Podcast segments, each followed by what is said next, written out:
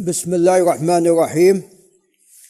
وبه نستعين ونصلي ونسلم على نبينا الصادق الأمين وعلى آله وأصحابه والتابعين. ومن تبعهم بإحسان إلى يوم الدين. أما بعد فقال الإمام مجد الدين أبو البركات ابن تيمية في كتابه المنتقى من أحاديث الأحكام. في كتاب الصيام. قال باب من أصبح جنبا وهو صائم. أي ما حكم من وقع له ذلك؟ وهو يريد الصيام وأصبح جنبا أو لم يغتسل عن الجنابة إلا بعد طلوع الفجر. ما حكم ذلك؟ حكم ذلك أن الصيام صحيح ويغتسل عن الجنابة ويصلي. وحتى لو كان هذا بتعمد يعني لكن لابد طبعا تحصل له الجنابة قبل طلوع الفجر.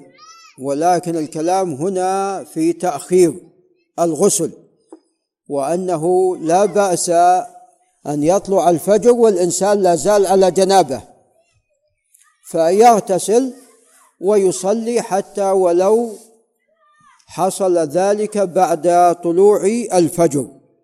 وكان في بداية الإسلام كان من أدركه الفجر وهو على جنابه كان لا يصح صيامه لهذا اليوم بل عليه القضاء. لكن بحمد الله هذا قد نسخ. هذا قد نسخ. نعم. قال عن عائشة رضي الله تعالى عنها وعن أبيها أن رجلا قال يا رسول الله إن الصلاة تدركني وأنا جنب. أفأصوم؟ فقال رسول الله صلى الله عليه وسلم وأنا تدركني الصلاة وأنا جنب فأصوم. فقال هذا الرجل لست مثلنا يا رسول الله قد غفر الله لك ما تقدم من ذنبك وما تأخر. فقال والله إني لأرجو قال والله إني لأرجو أن أكون أخشاكم لله وأعلمكم بما أتقي. رواه أحمد ومسلم وأبو داود. فدل هذا على أنه لا بأس بتأخير الاغتسال إلى بعد طلوع الفجر وأن ذلك لا يمنع من الصيام. قال وعن عائشة رضي الله عنها وعن أبيها. إحنا نقول عائشة رضي الله عنها وعن أبيها؟ من أبوها؟ نعم. ما عبد العزيز ما سألناك. نعم. عائشة أبوها أبو بكر. طيب ما اسم أبو بكر؟ محمد. اسمه أبي بكر. هو عنده ولد اسمه عبد الرحمن وعنده ولد اسمه عبد الله وعنده ولد اسمه محمد. لكن هو ما اسمه؟ إحنا دائما أبو بكر أبو بكر رضي الله عنه. نعم. عبد العزيز اسمه عبد الله عبد الله بن من؟ عبد الله بن أبي قحافة. وأبو قحافة اسمه عثمان. وأبو قحافة صحابي ولا ليس بصحابي؟ صحابي. اي كنية أبو قحافة مشهور. يعني أبو بكر مشهور بكنيته والذي يشتهر بكنيته لا يعرف اسمه أحيانا. وأبوه مشهور بكنيته أيضا. أبو قحافه أبو قحافه اسمه عثمان وأما أبو بكر فاسمه عبد الله. نعم. عبد الله بن عثمان بن عامر بن عمرو. نعم. ابن تيم بن مرة نعم القرشي التيمي. قال وأم سلمة. وأم سلمة أيضا مشهورة بكنيتها. ما اسمها يا أبو سليمان أم سلمة؟ مشهورة بكنيتها.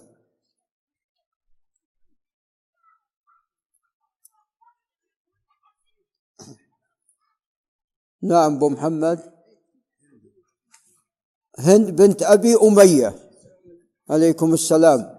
أم سلمة اسمها هند بنت أبي أمية القرشية المخزومية من بني مخزوم.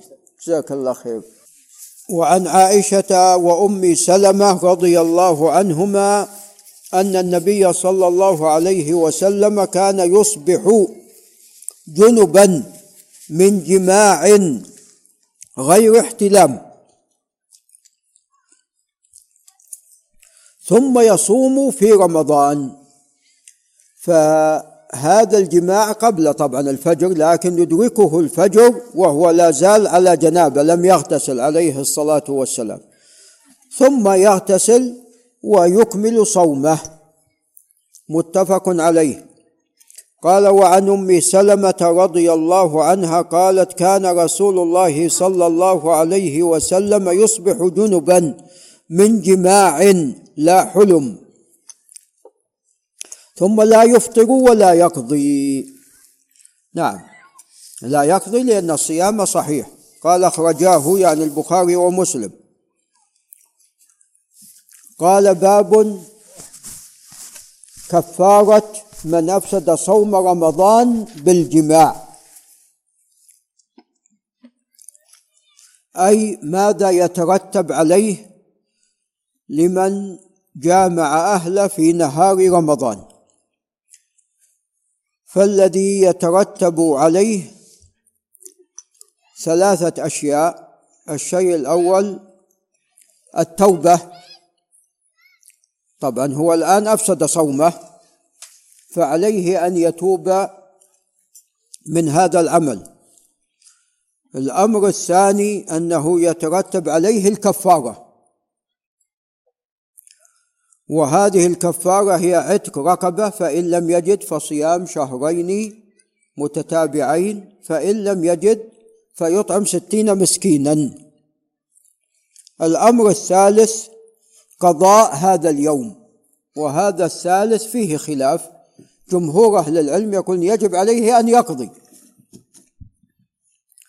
وبعض أهل العلم وهذا ما رجحه الإمامان ابن تيمية وابن القيم أنه لا يجب عليه القضاء. أنه عفوا القضاء لا يجزئه ولا يشرع في حقه لأنه قد تعمد إفساد صومه. وأن القضاء إنما هو في حق المعذور. فهذا لا كفارة له عندهم إلا بالتوبة يتوب إلى الله عز وجل. قالوا لأن القضاء إنما جاء في حق المعذور نعم شخص سافر في رمضان فمن كان منكم مريضا أو على سفر فعدة من أيام أخر. فهذا في حق المعذور بخلاف الذي ليس بمعذور. فيرون أنه عليه التوبة. هذه هي كفارته في هذه الحالة وجمهور أهل العلم يقولون يقضي والأحوط أن يقضي. نعم.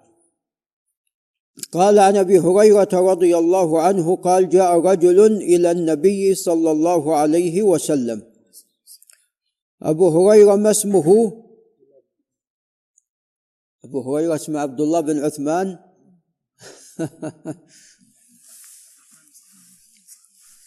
اسمه اسمه عبد الرحمن بن صخر الدوسي.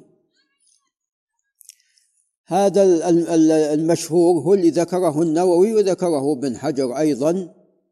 وهناك قول آخر وهو أرجح أن اسمه عبد الله أيضا.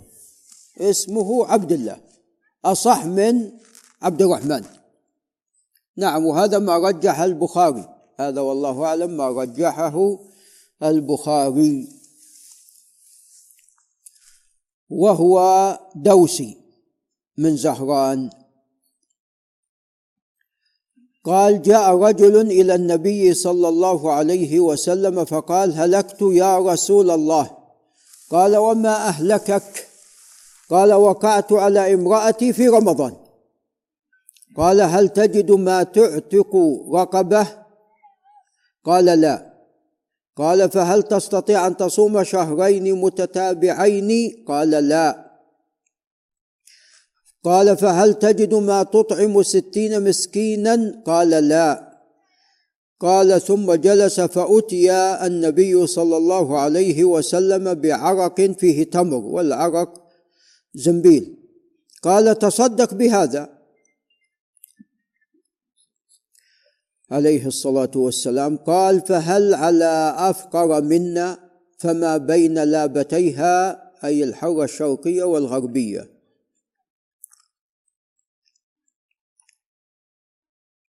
وأما الشمال والجنوب فحد الحرم ما بين عير وثور وهما جبلان.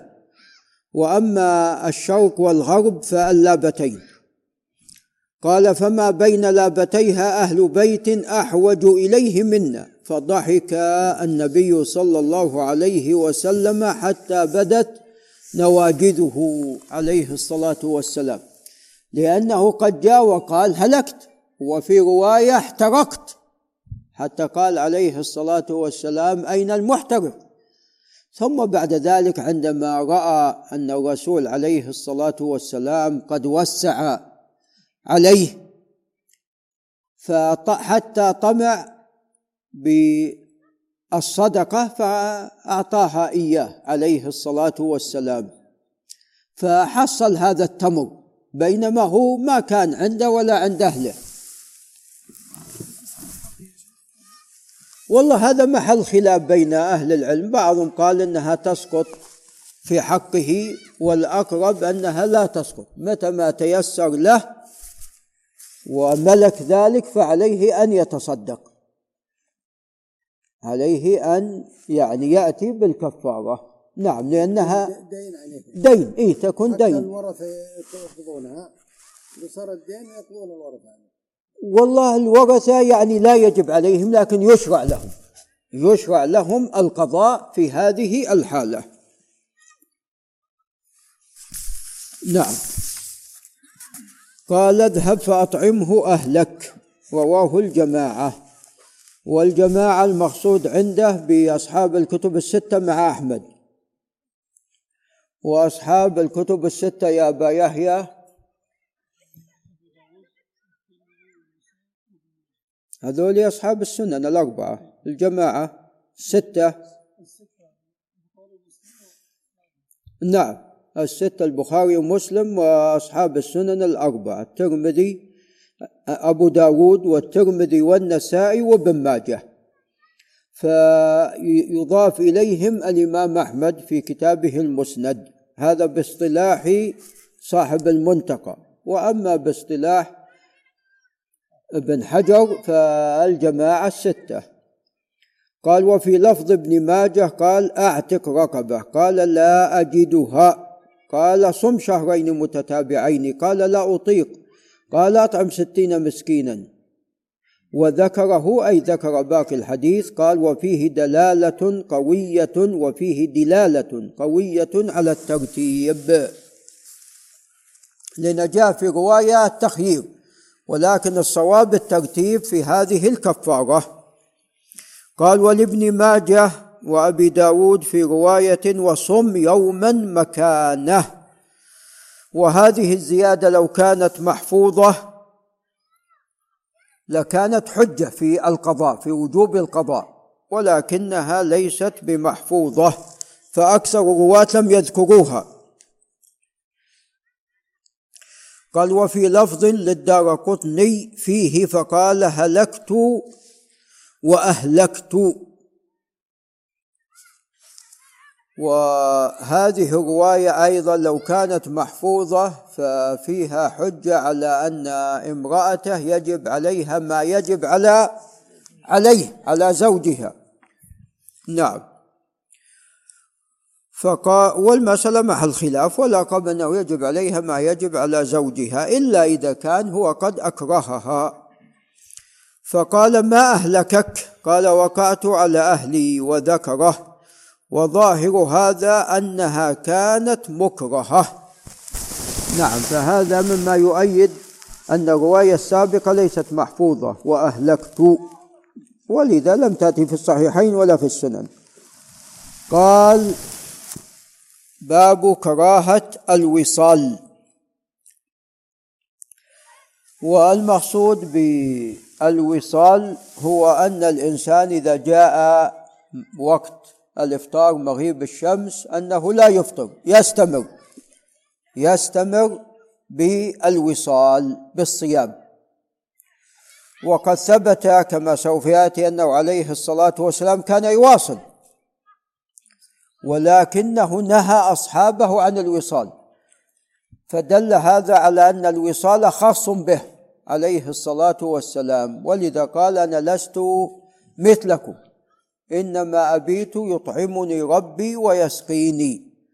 وهذا الطعام والسقاء ليس حسيا وإنما معنويا. لأن لو كان حسي ما كان وصال. فهذا طعام معنوي. ولا شك يعني عندما الإنسان يناجي ربه عز وجل ويخشع في العبادة فإنه ينسى ماذا؟ ينسى الطعام والشراب والأمور الأخرى. نعم. فالوصال منهي عنه وجاء جاءت الرخصة بالوصال لمن أراد أن يواصل إلى السحر إلى السحر نعم. يعني يصوم من طلوع الفجر ويستمر فحتى لو غابت الشمس ما يأكل إلى وقت السحر فيتسحر قبيل الفجر ثم يمسك. نعم. هذا أقصى يعني حد له في مسألة الوصال. والأفضل المبادرة. إلى الإفطار. هذا هو الأفضل كما جاءت بذلك النصوص. ولذا كان ابن عباس يضع له رصد. يضع يضعه على يراقب الشمس على سطح المنزل. يراقب الشمس على سطح المنزل. فمن حين تغيب يقول ابن عباس قد غابت فيبادر إلى الإفطار. فالسنة المبادرة إلى الإفطار هذه هي السنة. قال عن ابن عمر رضي الله تعالى عنهما أن النبي صلى الله عليه وسلم نهى عن الوصال. فقالوا إنك تفعله. فقال إني لست كأحدكم. إني أظل يطعمني ربي أظل يطعمني ربي ويسقيني. وكما تقدم هذا طعام وسقاء معنوي. لأن لو كان حسيا ما كان مواصلا. قال وعن أبي هريرة رضي الله عنه عن النبي صلى الله عليه وسلم قال إياكم والوصال. فقيل إنك تواصل. عبد العزيز نادى عبد الرحمن. فقيل إنك تواصل.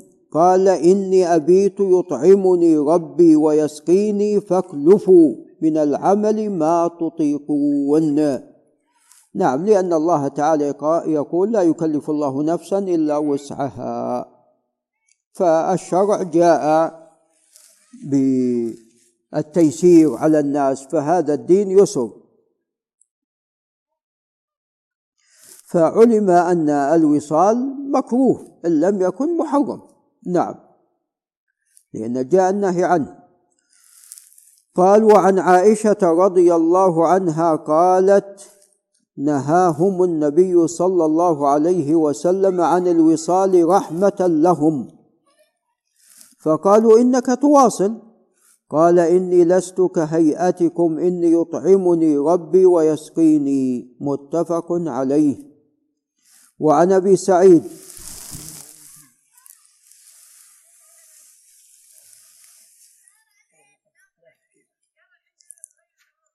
اي قال نعم. قال متفق عليهن أي على الثلاثة عليكم السلام التي تقدمت. فكل الاحاديث الثلاثة قد اتفق الشيخان علي على روايتها. قال وعن أبي سعيد الخدري وهو سعد بن مالك بن سنان من بني خدرة من الأنصار رضي الله عنهما. لأن والد أبي سعيد أيضا صحابي. أنه سمع رسول الله صلى الله عليه وسلم يقول لا تواصلوا. فأيكم أراد أن يواصل فليواصل حتى السحر. قالوا إنك تواصل يا رسول الله.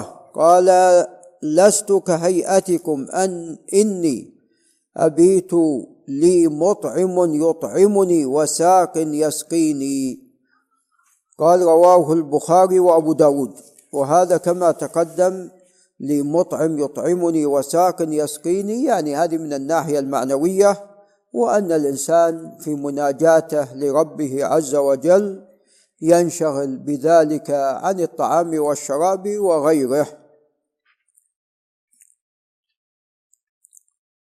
نعم.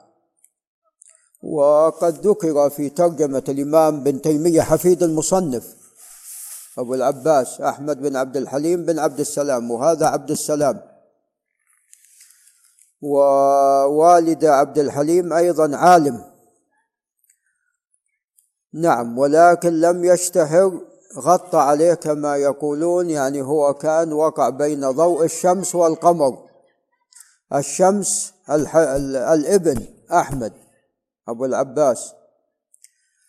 والقمر الجد أبو البركات مجد الدين. نعم. وإلا نعم علماء. وأخوان ابن تيمية علماء. نعم. حتى يعني في أثناء المناظرة وأظن القاضي المالكي كان حاضر وكان هو اللي يقوم بخدمة أبو العباس.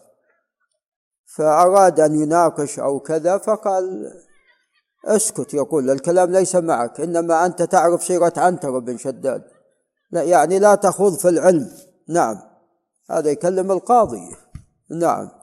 فهم من آل يعني كلهم علماء وأخوان علماء رحمة الله عليهم. وقيل أن لهم بقايا لآل ابن تيمية لهم بقايا إلى القرن الثالث عشر. في بلاد الشام. كما أن لآل قدامى لا زال لهم بقايا موجودين. آل قدامى بقاياهم موجودين إلى الآن في دمشق. نعم. نعم. فذكر في ترجمته أن أم صلحت له طعام. فترك الطعام وهو مشغول بالعلم. مشغول بالمراجعة والبحث. نعم. وقد ذكر عن الشيخ محمد الأمين الشنقيطي رحمه الله شيء من هذا كما حدثني أحد المشايخ اللي يعني عرفه أنه أحيانا إذا كان يقرأ في الكتاب يغيب عن الموجودين اللي حوله. نعم نعم ينساهم. نعم. ولذا تجد يعني الكتاب يطبع. إيه يطبع في ذهنه رحمه الله فإذا أراد أن ينقل من عنده كأنه ينقل إيه كأنه نعم ينقل من شيء يراه نعم. وكان إذا كان يلقي الدرس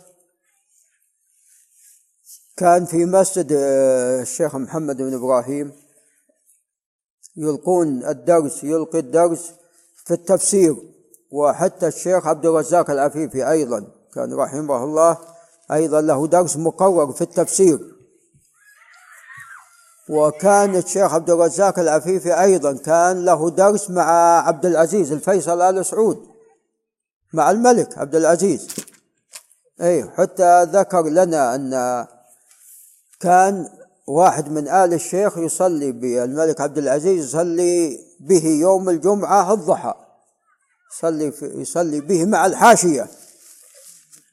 إيه يصلي بهم وقت الضحى.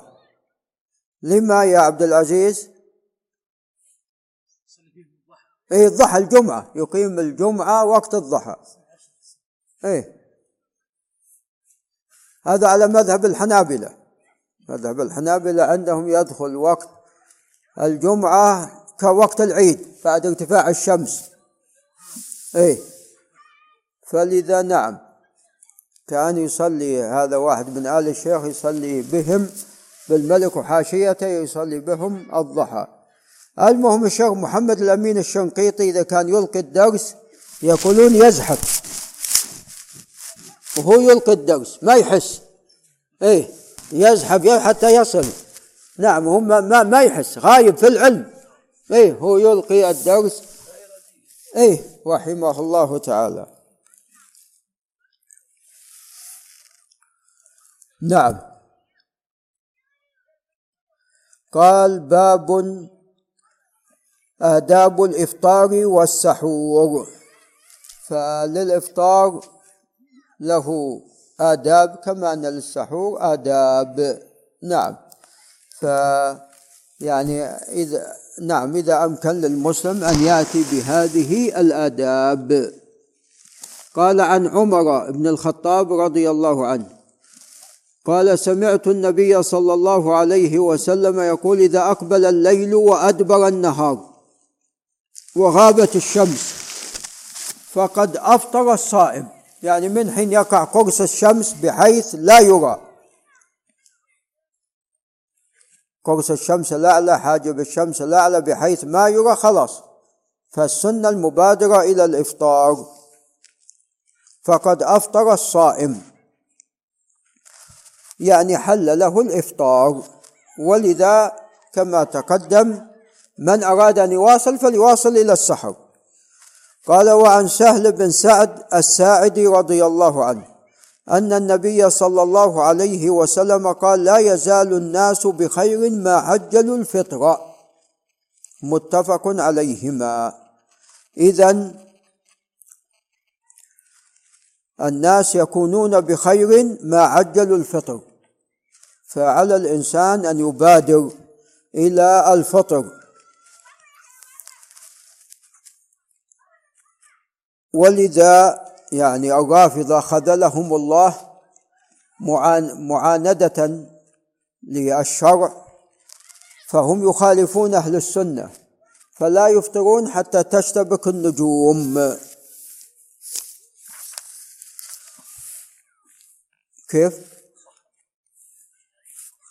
إي نعم آه نعم هم نعم يقلدون اليهود فيهم مشابهة من من اليهود كما قال عامر بن شراحيل الشعبي وجاء مرفوع لكن الصواب أنه من كلامه قال وعن أبي هريرة رضي الله عنه عن النبي صلى الله عليه وسلم قال يقول الله عز وجل ان احب عبادي الي اعجلهم فطرا.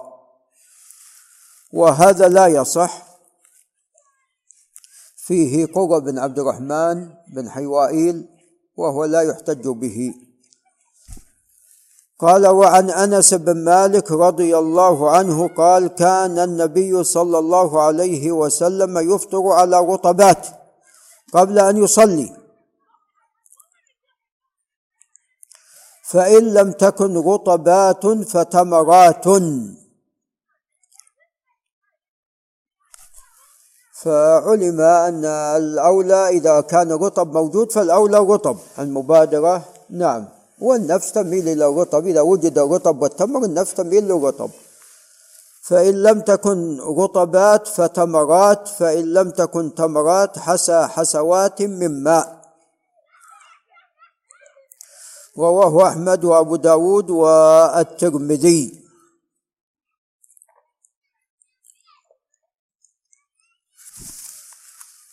وهذا طبعا جاء من حديث جعفر بن سليمان عن ثابت عن أنس. وقد تكلم بعض أهل العلم طبعا في جعفر بن سليمان لكن جاء ما يشهد له يكفينا الحديث الذي بعده هو الحديث الصحيح المحفوظ. قال وعن سلمان بن عامر الضبي رضي الله عنه قال قال رسول قال قال رسول الله صلى الله عليه وسلم إذا أفطر أحدكم فليفطر على تمر. فإن لم يجد فليفطر على ماء. فإنه طهور. وقد علم يعني الحكمة الآن علمت الحكمة في الإفطار على التمر. فهذا يعني التمر بحمد الله يكون مغذي بسرعة. الجسم يمتصه ويستفيد من عنده.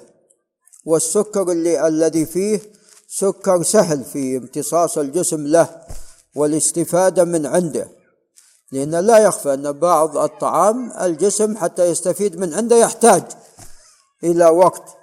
ولكن بحمد الله التمر يستفيد منه الجسم بسرعة. وإذا لم يجد التمر فالماء. قال رواه الخمسة إلا النسائي وقد صححه الترمذي وهو صحيح ونذهب إلى صحته. قال وعن معاذ بن زهرة وهو تابعي وليس بالمشهور أنه بلغه أن النبي صلى الله عليه وسلم كان إذا أفطر قال اللهم لك صمت وعلى رزقك أفطرت رواه أبو داود. وهذا لا يصح لأنه مرسل كما تقدم.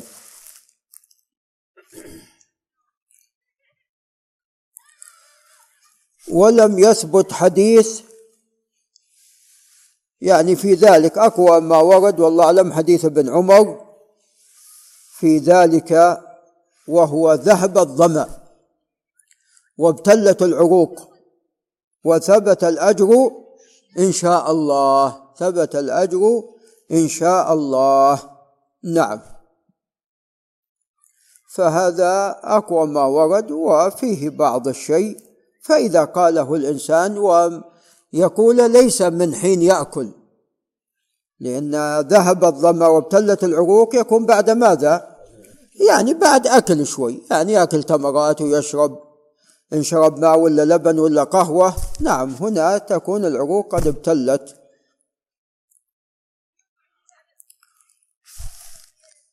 ولو ذكر المصنف هذا الحديث لكان أولى وهذا لعل يسجل أبو ناصر.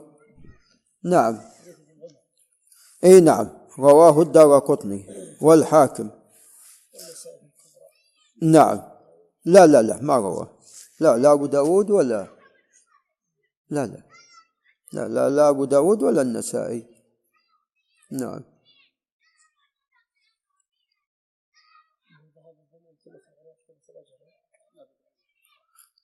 والله النسائي ما أظن رواه.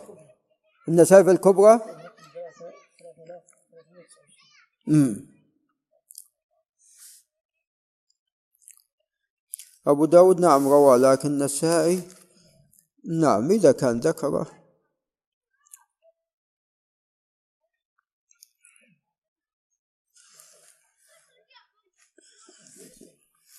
نعم قال وعن أبي ذر رضي الله عنه أن النبي صلى الله عليه وسلم كان يقول لا تزال أمتي بخير ما اخروا السحور وعجلوا الفطر.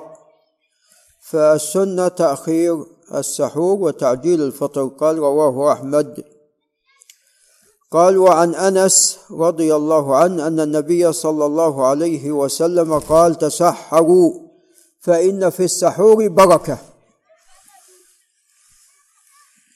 وهذه البركة غير مقيدة. بركة بحمد الله يعني شاملة عامة. من أول ما يدخل فيها هو التقوي. التقوي على الصيام. وبالتالي التقوي على العبادات وأن الصيام يسهل والعبادات أيضا. نعم. قال رواه الجماعة إلا أبا داود. قال وعن عمرو بن العاص رضي الله عنه قال قال رسول الله صلى الله عليه وسلم إن فصل ما بين صيامنا وصيام أهل الكتاب أكلة السحر. قال رواه الجماعة إلا البخاري وابن ماجه.